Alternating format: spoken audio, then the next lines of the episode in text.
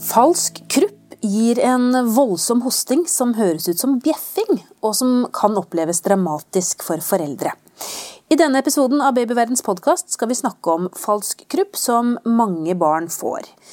Jeg heter Karine Næss Frafjord, og jeg er redaktør i Babyverden. Og jeg er på besøk hos eh, Lynn Biserød, som er seksjonsoverlege i øre-nese-hals ved Stavanger universitetssykehus. Det er jo litt av et navn, Linn, dette med falsk krupp. Ja. Altså, Hva betyr det Ja. egentlig? Ja, det er litt merkelig. Helt enig. Um, det er fordi at um, Altså um, Dette er jo en innsnevring av luftvei, altså, og en, en luftveisobstruksjon som man kan få pga. en infeksjon. Og så har vi noe vi kaller du kan si I motsatt, altså, i motsatt fall så er det jo noe som heter ekte krupp. Ja, det finnes det, altså. Ja, Ja. eller vi bruker ikke det begrepet i, eh, på, på jobb her, så sier vi epiglottitt, men det betyr at man har en infeksjon på selve strupelokket. Og det er eh, et annet sted av luftveien enn en falsk krupp. Som jeg skal komme litt mer inn på etterpå. Men Ja. ekte krupp det var jo rett og slett dødelig. Og jeg sier var fordi at i dag så har vi jo heldigvis vaksine som hjelper oss uh, i Norge og i vestlige land mot å få ekte krupp. For det var altså da en kraftig infeksjon man fikk på selve strupelokket. Og når det hovnet opp hos små barn, så, og lokket det er rett og slett et lokk som ligger over selve luftrøret vårt, og når det da ble infeksjon, så fikk ikke de luft fordi det ble for trangt, og barn døde. Men Betyr det at eh, vi blir i vaksinasjonsprogrammet vaksinert mot denne ekte gruppen?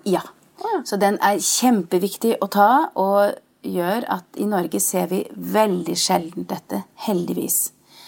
Eh, man kan faktisk Jeg har hatt pasienter som er kommet inn med dette, men det er jo gjerne innvandrere som da ikke er vaksinert, og, eller eh, voksne som kan få infeksjon som voksen, men det er veldig, veldig sjeldent. Ja, som voksen. Ja. Men falsk krupp, det ble vi ikke vaksinert mot. Nei, fordi at den ekte krupp det er da altså en bakterie, mens falsk krupp det får vi av en luftveisinfeksjon som er forårsaket av et virus. Og da får man en betennelse i slimhinnen som ligger under stemmebåndene våre. Og stemmebåndene, hvis, hvis du kjenner på adamseplet, så har Adamseplet det kjenner vi på halsen ikke sant? som en liten sånn opphøyning. Spesielt hos menn er jo den veldig lett å ta ut. Og rett bak der ligger stemmebåndene våre. Og det er faktisk det smaleste punktet for luftveien vår. Du kan kalle det flaskehalsen. Så den luften vi puster inn gjennom nesen, eventuelt munnen, den samler seg i svelget og går nedover. Og forbi stemmebåndet, som ligger altså rett bak adamseplet. Og så ligger luftrøret vårt under der. Og den øverste delen av luftrøret, altså som ligger rett under stemmebåndene, der kan man få en infeksjon som altså da kalles falsk krupp. Og eh, da har man fått et virus som skaper en betennelsesreaksjon som gjør at slimhinnen hovner opp. Og hos barn så er den slimhinnen litt løsere enn hos voksne, pluss at barn har et mindre areal, naturlig nok, enn det vi voksne har, slik at de lettere får en tett pust enn det en voksen ville få. Men hva skyldes det? Hvordan får man viruset? Og det kommer inn via luft. Så det er som en forkjølelse, kan du si. som- Smitte, rett og slett? Ja. Da har, er det folk som har hostet rundt deg, eller kanskje spyttet på deg, eller eh, at du drikker av et glass hvor det ligger noe virus på glasskanten. holdt jeg på å si. Ja, ja, ja. Eller barn har noe på fingrene som de putter i munnen. ikke sant? At de suger på fingrene, eller ja. Hvordan vet vi at det ikke bare er en forkjølelse, da? Nå, nå sa jeg jo innledningsvis at det høres ut som om barna bjeffer. Ja. Så det er En noe kanskje med lyden. Ja. En forkjølelse vil jo de aller, aller fleste kjenne igjen. ikke sant? Man blir tett i nesen og renner litt fra nesen og det, og litt sår i kroppen og feber og sånn. Eh, en falsk er veldig karakteristisk, sånn som du sa, med denne bjeffende hosten. Eh, de, de barna vil relativt raskt, og det er veldig ofte at det skjer på kvelden, f.eks. når foreldrene skal legge dem, så merker de at barnet puster mer anstrengt enn det det enn enn det det vanligvis gjør med normal pust.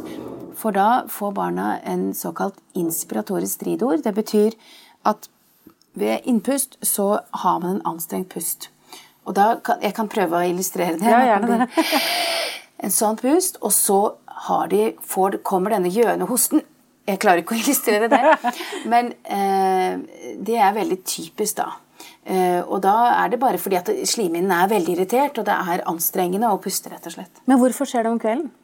Ja, det kan du si. Hvorfor det skulle skje om kvelden, det er vel eh, eh, det kan jeg ikke egentlig helt svare deg på. Det er ikke noe sånn veldig eh, akademisk eh, beskrevet hvorfor, altså at det skjer mer om kvelden. Men jeg, eh, ja, hva skal jeg si? Det bare Det har ikke noe med at de legger seg ned, eller Ja, altså det kan nok være en kombinasjon at de legger seg ned og er litt mer eh, eh, At det gjerne blir litt mer slim i svelget når man legger seg ned. Ja. Men eh, foreldrene, det foreldrene skal gjøre da, er at de skal ta barnet opp. eh, og det viktigste mor og far kan gjøre da, er å være rolig. Det er kjempeviktig. Selvfølgelig er mamma og pappa stressa. De merker at ungene puster dårligere. Alle blir redde da. Men det må du ikke overføre til barnet ditt. Fordi- For da vil barnet bli redd, enda mer redd og puste enda mer anstrengt. Så det er viktig å prøve å bevare roen. eh, Og eh, det er to ting mamma og pappa kan gjøre. Det er å enten gå inn i dusjen eller stå på badet og ha varmt vann gående i dusjen slik at det blir damp. Eh, Og at la barnet få puste inn den dampen. Det vil kunne hjelpe på slimhinnen og gjøre den mindre irritativ og mindre hoven. Og en annen ting er at man kan gå ut og stå i helst kald luft. da. Så det hjelper ikke om sommeren. Nei, altså vi får jo litt kaldere vind eh, eller vær vind, unnskyld, på kvelden i, i Norge òg, da. Så jeg husker veldig godt vi kom kjørende en gang, eh, skulle til Arendal, og da eh, sto det en mor på veien. Eh, det er klokken ti om kvelden, og vi hoppet ut av bilen, og da eh, hadde hun et barn med falskrupp og var kjempeengstelig, men bare den tiden hun hadde stått der med ungen ute, fordi hun måtte ha hjelp til å få ungen på Hun var redd hun måtte ha han på sykehus. Så hadde det roet seg bare hun sto ute i den kalde luften. Så det er faktisk veldig effektivt, faktisk. Men hos noen barn så er jo ikke det nok, og da skal de på sykehus.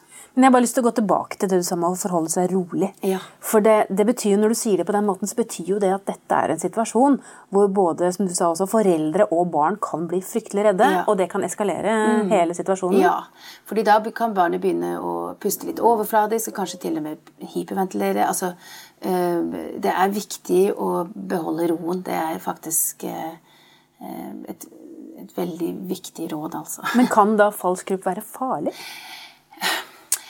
Nei, det er jo ikke så farlig sånn som ekte krupp var i sin tid. Men det er jo veldig anstrengende. Og i Norge i dag så er det jo ikke farlig fordi at man kommer seg jo til lege i Norge. Men, eh, og, og som regel så går det over av seg selv, altså. Så etter de rådene som jeg ga her. Men det er klart hvis det varer ved og hevelsen ikke går helt ned, så blir jo barnet veldig slitent.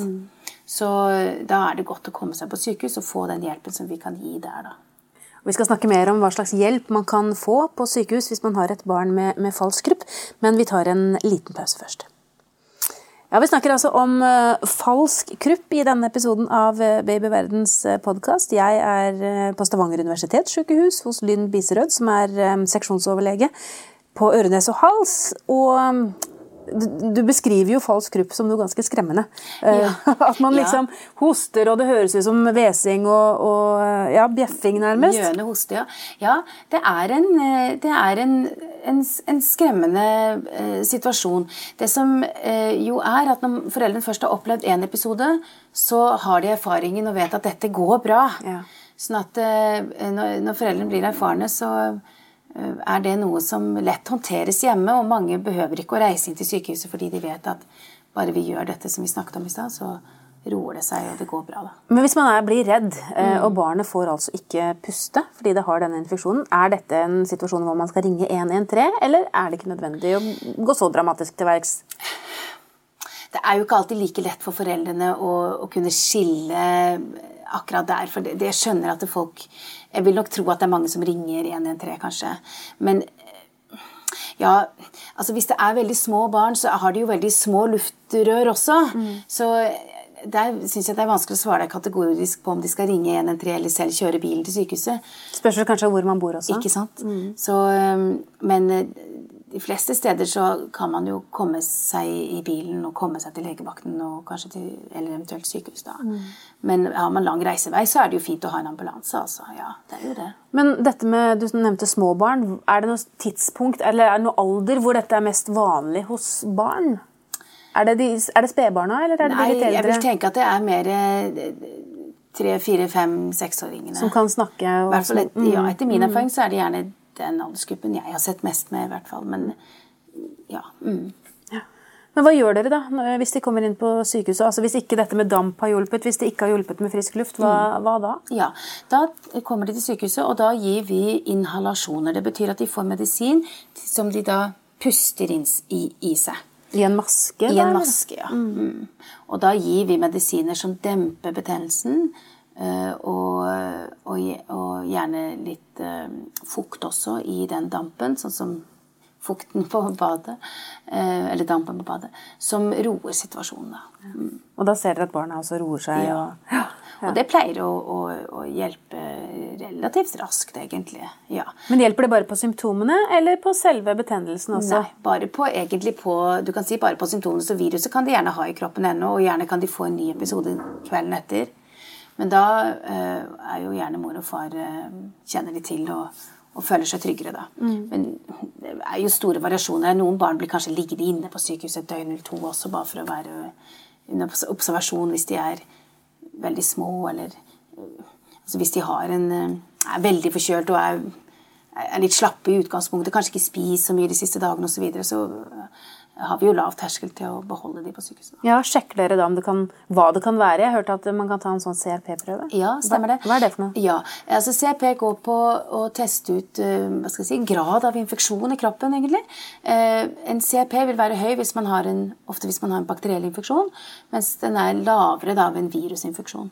Så det er eh, en, rekke prøver som vil bli tatt. Vi kaller det infeksjonsprøver. da. Eh, Og så kan man også ta dyrkning for å se om det er en bakterie man også kan ha i tillegg. For det er klart, eh, man kan jo også ha eh, andre infeksjoner. Altså man, man kan ha en halsbetennelse kanskje i tillegg, eller eventuelt kanskje til og med lungebetennelse også. Altså, ja. mm, det er viktig å få avklart da. Så en, eh, når barnet kommer på sykehuset, så vil jo legen sjekke disse, for disse tingene og lytte på lungene. Og, ja. Er det mange barn som får gjentatt episoder av krupp? ja.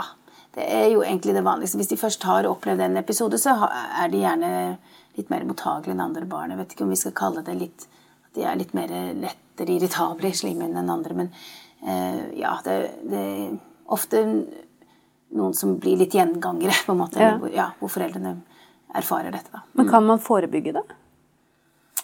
Nei. Nei. Så det er bare sånn det er? Det er. bare sånn det er. Ja. Men hvis man da har først blitt et kruppbarn, eller hvis man har fått falsk krupp én eller flere ganger, eh, er man da mer disponert for f.eks. andre luftveissykdommer, som astma? Nei. Nei, det er man ikke. Og astma er jo noe helt annet igjen, og det er jo en lungesykdom, og de vil ha en helt annen type klinikk. Og, øh, så det vil en lege veldig lett øh, ta ut, altså. Ja, Ja. Men det er klart, øh, astmabarn er jo kanskje allerede Avhengig av hvor stor grad av astma de har, men de vil jo allerede være litt skal si, mer svekket. da, og, og kan, en, en, Hvis de får en falsk krupp, så vil jo de kanskje få en litt mer alvorlig episode enn kanskje en som ikke har astma. da. Mm. Men Nå har vi snakket om sykehusinnleggelse, vi har snakket om å få medisiner i maske. Men for de aller fleste, håper jeg, så, så hjelper det ved å ta noen enkle grep hjemme. Hvis Ja. vi skal avrunde med det. Helt riktig. Så uh, det er uh, Det viktigste for mor og far er å beholde roen, som sagt. Og, og snakke rolig til barnet.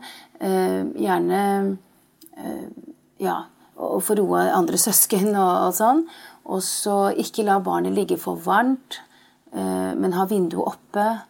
Og, eh, ja, og, og sitte med det. ikke sant? For når de hoster sånn, så, så må man jo ha det i fanget og prøve å roe det ned. Ja. Mm. Og damp og frisk luft. Ja, damp og frisk luft. Ja, ja, men Det er gode råd. Ja. Takk skal du ha, Linn Viserød, som er seksjonsoverlege øre-nese-hals ved Stavanger universitetssykehus. Hvis du lurer på mer om dette temaet, finner du mange artikler på babyverden.no og diskusjoner med andre i Babyverdens forum. Hvis du ikke allerede har lastet ned appen vår, Gravid og barn, så anbefaler jeg deg å gjøre det med en gang, så kan du følge utviklingen til barnet ditt dag for dag og uke for uke. Siden du er opptatt av graviditet og barn, kan det også være lurt å abonnere på Babyverdens podkast, så får du nye episoder automatisk hver uke. Det er også vi som lager podkastserien Gravid uke for uke. Den bør du også få med deg hvis du har barn i magen. Har du kommentarer eller et tema du ønsker at vi skal belyse, så kan du sende en e-post til podkast at babyverden.no. Men husk at vi som lager denne podkasten er journalister og ikke helsepersonell. Så hvis du har medisinske spørsmål, må du ta kontakt med jordmor eller fastlegen din. Ha det godt til vi høres igjen.